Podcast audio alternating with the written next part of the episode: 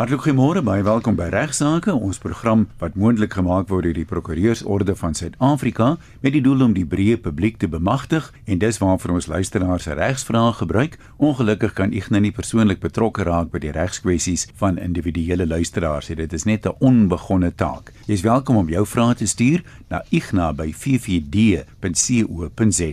Hou net in gedagte dat ons die programme vooruit opneem, so as jy nou 'n vraag stuur, mag dit maklik 'n maand of 2 vat voor ons by die beantwoording daarvan uitkom en dikwels voeg ek nou ook soortgelyke vrae saam om 'n algemene antwoord te gee. So luister maar gereeld En onthou elke program van regsaake is ook as potgooi beskikbaar op RSG se webwerf dis rsg.co.za. Jy klik daar skuins bo in die bladsy op potgooi, dan rol jy af alfabeties tot by regsaake en as jy daar klik sal die jongste program bo lê en die ander net onder hom met 'n kort opsomming en jy's welkom om weer daarna te luister of dit af te laai op jou rekenaar.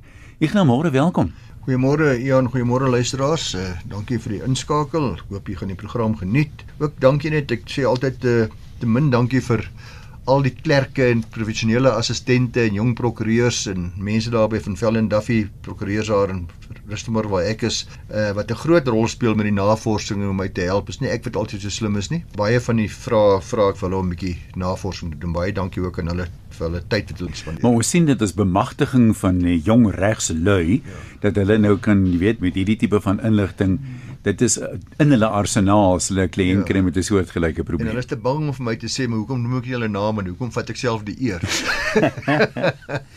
hulle wil hulle nie anoniem bly nie, is jy seker?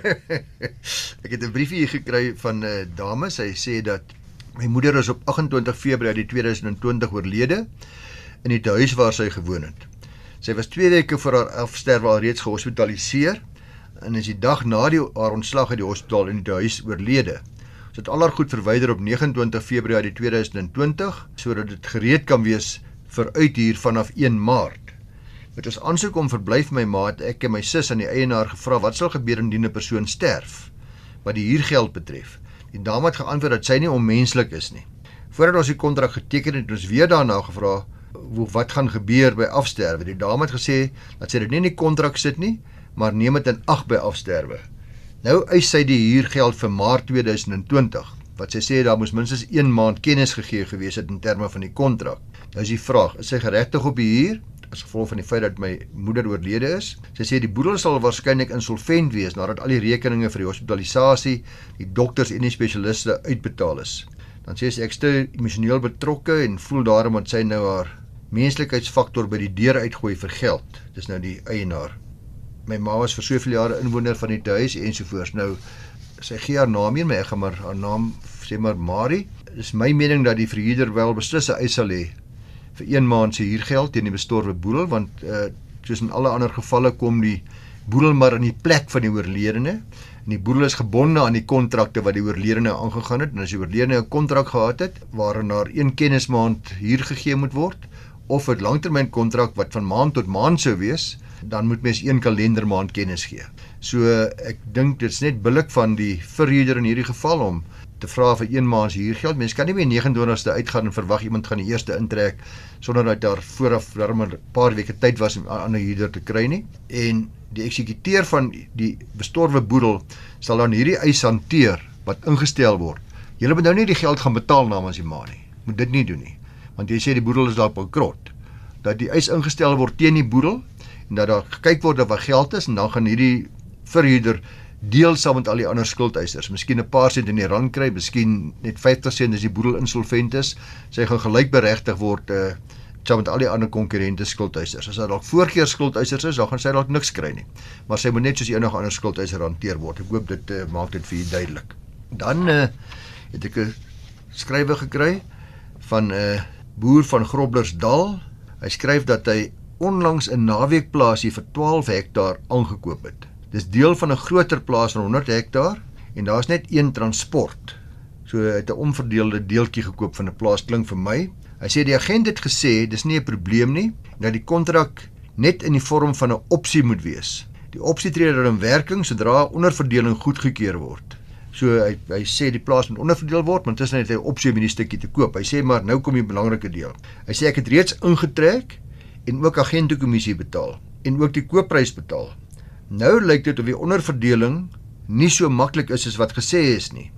My prokureur sê hy kan 'n plan maak en hy vra wat dink ek is die oplossing hierso. Nou hy het 'n prokureur, so ek gaan nie sy geval nou spesifiek hmm. hanteer nie, maar ek gaan tog in die algemeen net antwoord oor wat die probleem is in hierdie geval want dit kom daai wet op die onderverdeling van landbougrond hier ter sprake. Presies, dis artikel 3E1 van die wet op onderverdeling van landbougrond, dis 'n wet 70 van 1970 sê dat 'n uh, landbougrond slegs onderverdeel kan word met toestemming van die minister van landbou. Nou sulke toestemming slegs in buitengewone omstandighede in Suid-Afrika verkry sal word. So dit is al baie jare al. Nou moet ek hier ek weet presies wat die in die gang is, want hierdie truc is nie nuut nie. Hierdie hierdie hmm. plan wat gemaak is. Kan ek gou 'n ander vraag vra ja. Ignas? Ons praat nou van landbougrond, maar sê net maar dit is net 'n plaasie met natuur skoon. Jy kan nie aktief boer daar nie. Dis maar net vir die mooi en die rondry en die uitsig. Is dit dan nog landbougrond? Wel, die definisie van landbougrond is grond waarop wat nie deel is van stedelike gebiede nie. OK. So jy kry plotte ook en so en wat ook deel van landbougrond kan wees. Uh so dit hoef nie noodwendig op geboer word nie. Dan uh daar was 'n baie jare praktyk deur prokureurs om sulke ooreenkomste op te stel in die vorm van 'n opsie om te koop, soos hierdie prokureur nou ook gesê het. In terme van die opsie om te koop, die koper dan van hierdie deel wat hy nou koop, die 16 hektaar van die 100 hektaar, hy dan 'n opsie om daardie deel te koop sodra die minister se toestemming vir die onderverdeling verkry is. Maar ek dink wat hierdie prokureur dalk nou die oog uit verloor het, dat dit duidelik geword in 'n saak van Four Arrows Investments 68 teen Abigail Konstruksie. Dis 'n 2015 saak, uitspraak in 17 September 2015 wat die meeste prokureurs goed ken omdat hulle hierdie hierdie proses wat hulle gevoer het, hierdie opsieproses hierso aangespreek is. Het het dit duidelik word dat die howe nie hierdie praktyk verder gaan toelaat nie die hof het daar dit baie duidelik gemaak by Four Arrows en Abigail konstruksie. Daar was daar inkomste in terme waarvan Four Arrows 'n opsie gehad het om 'n gedeelte van die grond te koop totdat nadat die minister nou toestemming gegee het uh, in die vorm van 'n opsie. Die opskrif van hierdie inkomste en die beskrywing uh, van die partye as verkoper en koper as ook talle ander bepalinge in die kontrak het daartoe gelei dat die hof die gevolgtrekking gemaak het dat die ware bedoeling van die partye net soos in hierdie geval, was eintlik maar om 'n kopereenkoms daar te stel met 'n opskortende voorwaarde. So ons koop op opskortende onderhewig aan die goedkeuring van die eh, van die minister. Wat eintlik logies is, is ja, dit nie? Ja, ja. So werd dit ingekleer as 'n opsie. Was dit duidelik eintlik nie 'n opsie, is 'n koopkontrak met 'n opskortende voorwaarde. Dis die bedoeling van die partye en die hof sê dis spesifiek deur die wet verbied.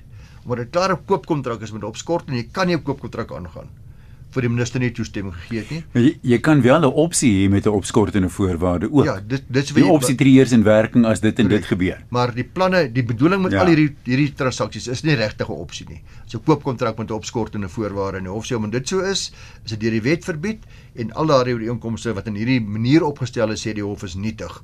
Die hof sê verder dat selfs al was dit 'n opsie om te koop, so wat jy nou vra, so wat in die normale praktyk oor die jare ontstaan en sal dit steeds ongeldig wees omdat die bedoeling van die wetgewer was baie duidelik om nie net 'n verbod te plaas op die besluit van 'n verkoopsooreenkoms nie, maar om enige stappe te verhoed wat daarop gemik is wat uiteindelik kan lei tot 'n onderverdeling of 'n verkoopstransaksie waar daar nog nie toestemming is nie. Die hof sê in hierdie geval dat die howe sal altyd frons op enige poging om die wet op onderverdeling te probeer om omseil. En uh, dit is duidelik dat sulke ooreenkomste ongeldig sal wees dat dit slegs aangegaan kan word nadat jy kry eers minister se toestemming en dan teken jy 'n kontrak nadat jy die toestemming verkry is.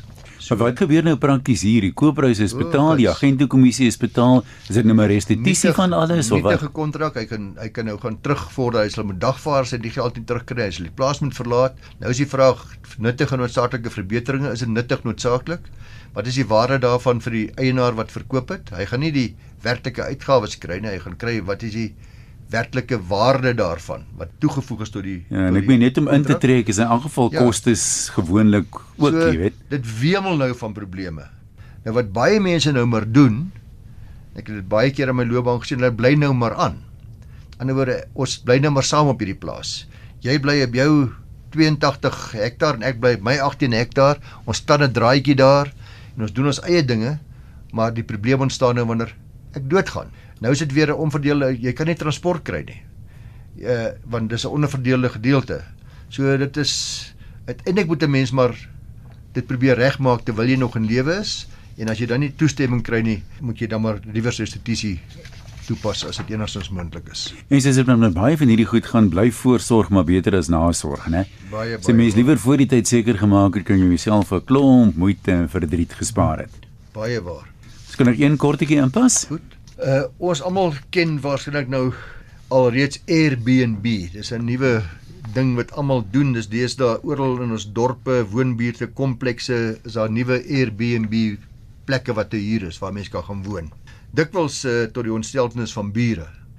Miskien moet ons net vinnig vir mense sê wat dalk nie met die konsep uh, vertroud is nie. Dis nou aanlyn waar jy bespreek, maar uh, die Airbnb besit nie die eiendom nie. Soos ek dit verstaan, dis jou sê nou maar woonstel Ja, by die see, het 'n maar kamer wat ek verhuur. jy ja, gaan bespreek by Airbnb om in daai woonstel te bly en hulle neem 'n deel van die kommissie. van die kommissie. Nou uh ek het 'n navraag gekry van 'n luisteraar nadat uh, Airbnb in haar kusdorp se deeltitelskema verbied is. Met ander woorde, die deeltitelskema bestuur het gesê niemand in hierdie deeltitelskema mag 'n Airbnb bedryf nie.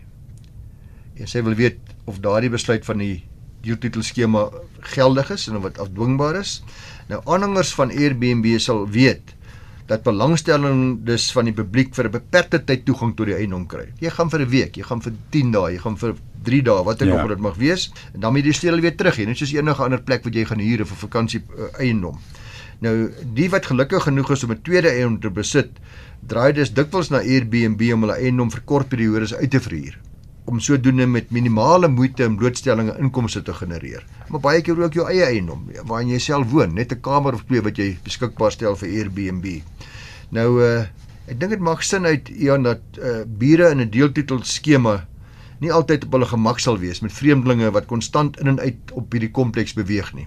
Elke dag is daar 'n paar nuwe mense, elke week is daar nuwe mense wat kom intrek en dan weer uitgaan. En dan boonop word hierdie huurders dikwels ook met uh, allerlei sekuriteitskodes, inligting en toegang tot die skema se gemeenskaplike eiendom verleen. Hulle kom nie net sommer in nie.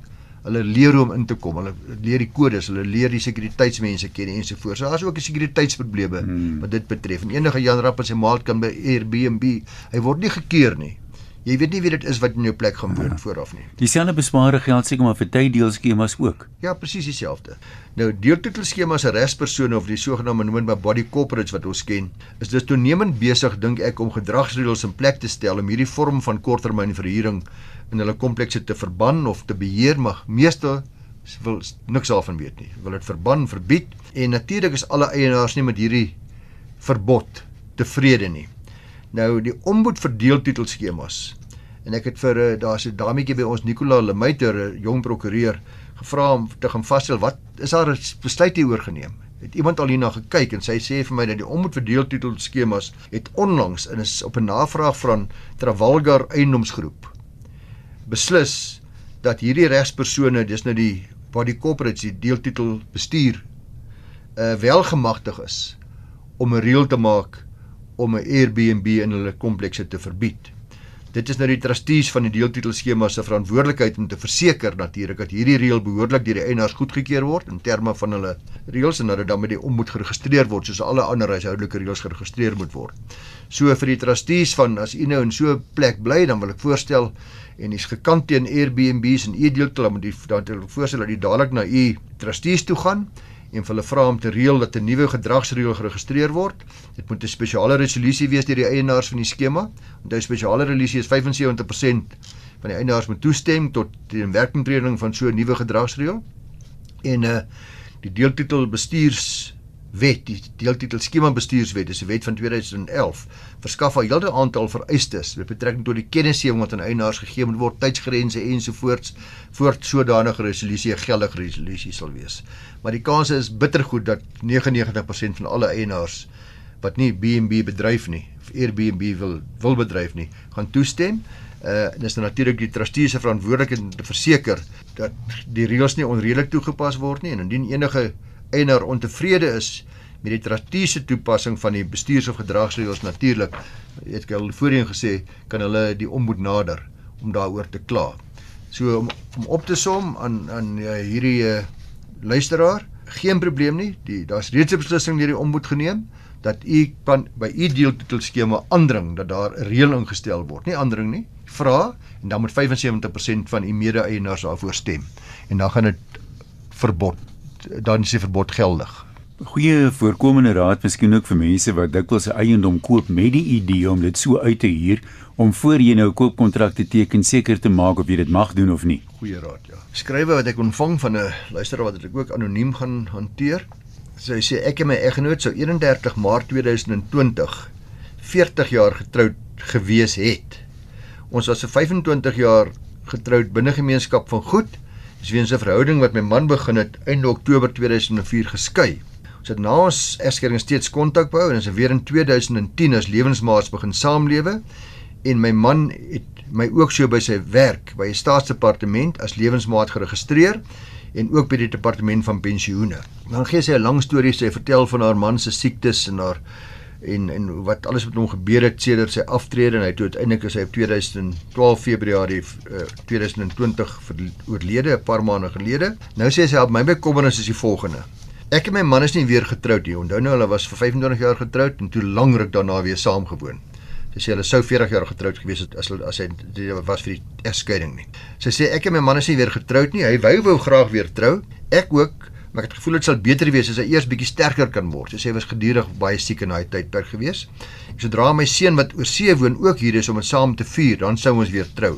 Dit was ons egter nie beskore nie en sy sê my man het 'n lang stryd in 'n siekbed in die hospitaal gehad.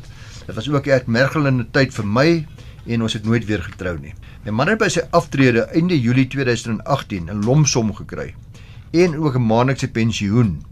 Hy het my as 'n lewensmaat by pensioene ook geregistreer sodat ek 'n maandelikse pensioen kon ontvang. Kan iemand dalk inlig wat gebeur indien ons nie weer getroud is nie, maar ek net as lewensmaat geregistreer is by sy laaste werk, asook by die departement van pensioene. Het 40 jaar vir hulle gewerk. My vraag is nou, sal ek nou 'n maandelikse pensioen ontvang? want in my man se testament is ek as sy erfgenaam benoem. Tweede vraag waarop ek graag 'n antwoord wil hê asseblief, is of ek my man se boedel kan wegneem by die versekeringsinstansie waar dit tans is. Aangesien ek die boedel graag verlaat bereder deur 'n vriendin wat 'n boedelbereder daar is en waarmee ek baie meer gemaklik sal wees en sy sal ook vir my teen 'n laer tarief doen. Nou ek het die vraag gegee vir mense daar by van Velden Duffy. Die eerste vraag het ek gevra vir 'n uh, Janus Olivier, die jong prokureur daar by ons om dit te antwoord. Dis die vraag oor die pensioen. Sal sy die pensioen kan kry? Dit lyk my die boedel is nog nie afhandel nie. Die pensioen het nog nie 'n besluit gemaak nie. Uh, Janus sê dat die uitbetaling van 'n pensioenvoordeel by die afsterwe van 'n lid word gereguleer deur artikel 37C van die Wet te Pensioene. Die artikel bepaal eerstens dat indien die pensioenvoordeel van 'n oorlede lid volgens die interne reëls van die fonds as 'n pensioen aan die gade of kind van die lid betaalbaar is, moet dit so uitbetaal word. So as die as die reël sê gade of kind is dit betaalbaar as daar reëls is wat dit sê dan moet dit so uitbetaal word. Nie nou egter geen so interne reël bestaan nie en dis met die meeste gevalle maar so, dan sal die voordeel aan afhanklikes betaal word. Afhanklike is dan 'n persoon wie geregtig was op onderhoud van die oorledene of 'n persoon onderhoud sou kry volgens die oordeel van die Raad van Trustees. Daar's 'n Raad van Trustees by elke pensioenskema, wat dan sal bepaal wie is eintlik die afhanklikes wat geregtig is op daardie pensioenvoordele. In gevalle waar 'n begunstigde skriftelik benoem was, soos in hierdie geval, sy sê sy is benoem by die pensioenfonds en sy is ook in die testament benoem as 'n begunstigde en waar daar ook ander afhanklikes bestaan, dan moet die raad van die betrokke fonds die pensioenvoordeel aan hulle uitbetaal in die verhouding wat hulle billikag. So al is hy benoem en as ook afhanklik is, dan gaan die raad kyk. Miskien gaan die ma meer kry of die sy was 40 jaar getroud en die die minderjarige kinders gaan ook 'n deel kry of sy gaan dit hang af van die van die elkeen se behoefte. Maar uh, sodra daar geen ander afhanklikes is nie. En dis duidelik die luisteraar se geval. Dan hoef sy glad nie bekommerd te wees nie sy's benoem as as die eh, persoon wat begunstig is, as geen ander afhanklik is nie en sy gaan sonder twyfel die hele volle bedrag kry vanaf die pensioenfonds. Maar die tweede vraag betref oor die ontheffing van die eksekuteur. Sy wil weet of sy dit by die versekeringsmaatskappy kan wegneem wat tans die boedelbereder sê Volker dat hy lei af dat hierdie maatskappy die eksekuteur van die boedel is. Dis nie so maklik om dit net weg te vat van hulle af nie. Die eksekuteur is geregtig om die boedel te bereder of om iemand aan te stel om die boedel te bereder. As jy uh, dit wat dikwels wat versekeringsmaatskappye doen, hulle trustmaatskappye of ander mense wat dit namens hulle doen, sy kan wel vir hulle vra om afstand te doen van die benoeming as eksekuteur. Normaalweg sal hulle egter in volkersondervinding nie bereid wees om daarvan afstand te doen nie. Waar die eh, maatskappy of versekeringsinstansie as ek eksekuteer nie sy werk sou doen nie natuurlik. Dis iets anderste. Dit want sy sê dit uit die glad nie nie. Sy kla nie oor hulle diens nie. Sy sê sy kan dit goedkoper laat doen deur iemand anderste. So as hy as hulle wel swak diens sou lewer, sy sou sy kon kla by die meester en met 'n tyd sou hulle dalk uh, onthef word as eksekuteurs, maar in hierdie geval is daar geen sprake daarvan nie. Uh, sy kan ook natuurlik vir hulle vra vir afslag. Niks verhoed 'n erfgenaam om na enige belegging daar in die bank of 'n versekeringsmaatskappy te gaan. Ons kry dit by prokureurs baie dikwels. En as die boedel nie ingewikkeld is nie, sal die meeste prokureurs bereid wees om 'n goeie afslag toe te staan. Ja, dikwels kry jy die die grootste bates is 'n versekeringspolis of twee wat eintlik baie min administratiewe pligte behels. Ja, of een huis, jy weet, ja. jy, ons het 'n huis gehad in 'n in 'n voertuig. Nou was geen werk nie en dan 'n of baie min werk. Jy weet, die voorgeskrewe tarief luisteraars uh, vir vergoeding is 3,5% van die bruto waarde van die boedel en 6% op nadoodse inkomste. En afhangende van die grootte en die hoeveelheid werk, uh behoort die versekeringsmaatskappy uh, instansie afstand te doen van 'n deel van hulle fooie as jy hulle gaan mooi vra. Ek moet sê dis nie altyd so maklik met die banke en die groot maatskappye nie en dis waarom ek baie keer aanbeveel dat mense maar tog die prokureur wat hulle mee vertroud is en wat hulle goed ken en wat hulle wat hulle weet uh hulle op kan staat maak dalk aanstel as eksekuteur. Ja, dit moet mense natuurlik voor die tyd doen. Uh jy weet so jy dink maar daaroor. Of dan natuurlik jou kinders of iemand wat naby jou is wat jy vertrou aanstel as eksekuteur en daardie persoon kan dan nou weer iemand gaan kry om te help. Wat dikwels die prokureur sê is wat hy weet jou familie prokureur was. Dan het ek uh vir Elmarie Rigter daar by ons ook 'n jong prokureur gevra om bietjie vir my te gaan kyk na die leerstelling van gemeenskaplike doel dit van toepassing is op gemeenregtelike verkrachtings. In 'n woorde ons besluit saam om te gaan moeilikheid maak en een van ons verkrag en gaan almal nou skuldig wees. Die leerstelling van 'n gemeenskaplike doel, common purpose, praat hulle van in Engels, is 'n gemeenregtelike beginsel wat deelnemers van 'n kriminele misdaad strafregtelik aanspreeklik maak vir al die gevolge wat uit daardie gemeenskaplike onderneming of daad vloei, selfs al was hulle nie direk daarbey betrokke nie, maar slegs deelnemers. Die grondwetlike hof in Suid-Afrika teen die einde van 2019 bevestig dat hierdie beginsel nou ook van toepassing is op verkrachtingsmisdade. Was eers nie. Nou hierdie beslissing is gemaak na twee misdadigers wat reeds 20 jaar gelede skuldig bevind is aan verkrachting om die beginsel van gemeenskaplike doel nou geappeleer het. En beweer dat hulle dat hierdie beginsel nie van toepassing is op verkrachtingsmisdade nie. Hulle was deel van 'n groep maar hulle self het nie verkragt nie. Hulle was net deel van die van die hele opset daar. Hulle hoofargument was dat die definisie van verkrachting penetrasie insluit dat hulle hulle self nie daarin skuldig gemaak het nie en dis ook wat die hof destyds 20 jaar terug bevind het, maar hulle is nog steeds aan verkrachting skuldig bevind. Hierdie twee misdadigers was deel van 'n groep wat in 98 met geweld daar in Tembisa ingevaar het en behalwe vir geweldige skade wat aan die publiek se eiendom verrig was, was daar 8 vrouens verkragt uiteindelik deur hierdie groep mense. Die jongste slagoffer was net 14 jaar oud en een van die ander vrouens wat ook verkragt was, was ooglopend swanger geweest. So is 'n baie nare storie geweest. Van die mans was die fisiese verkragters terwyl ander wag hou. Die twee appellante het wag hou by die huis se deur terwyl hulle maters nou al hierdie chaos veroorsaak het. Nou alhoewel hierdie twee misdadigers dis nie direk tot die verkrachting gekoppel was nie, was hulle skuldig bevind op die beginsel dat hulle deel was van die groep en uh, die hof het bevind dat hierdie aanval en hierdie misdade nie spontaan en impulsief gepleeg was nie, maar dat hulle almal dit saam behoorlik beplan het.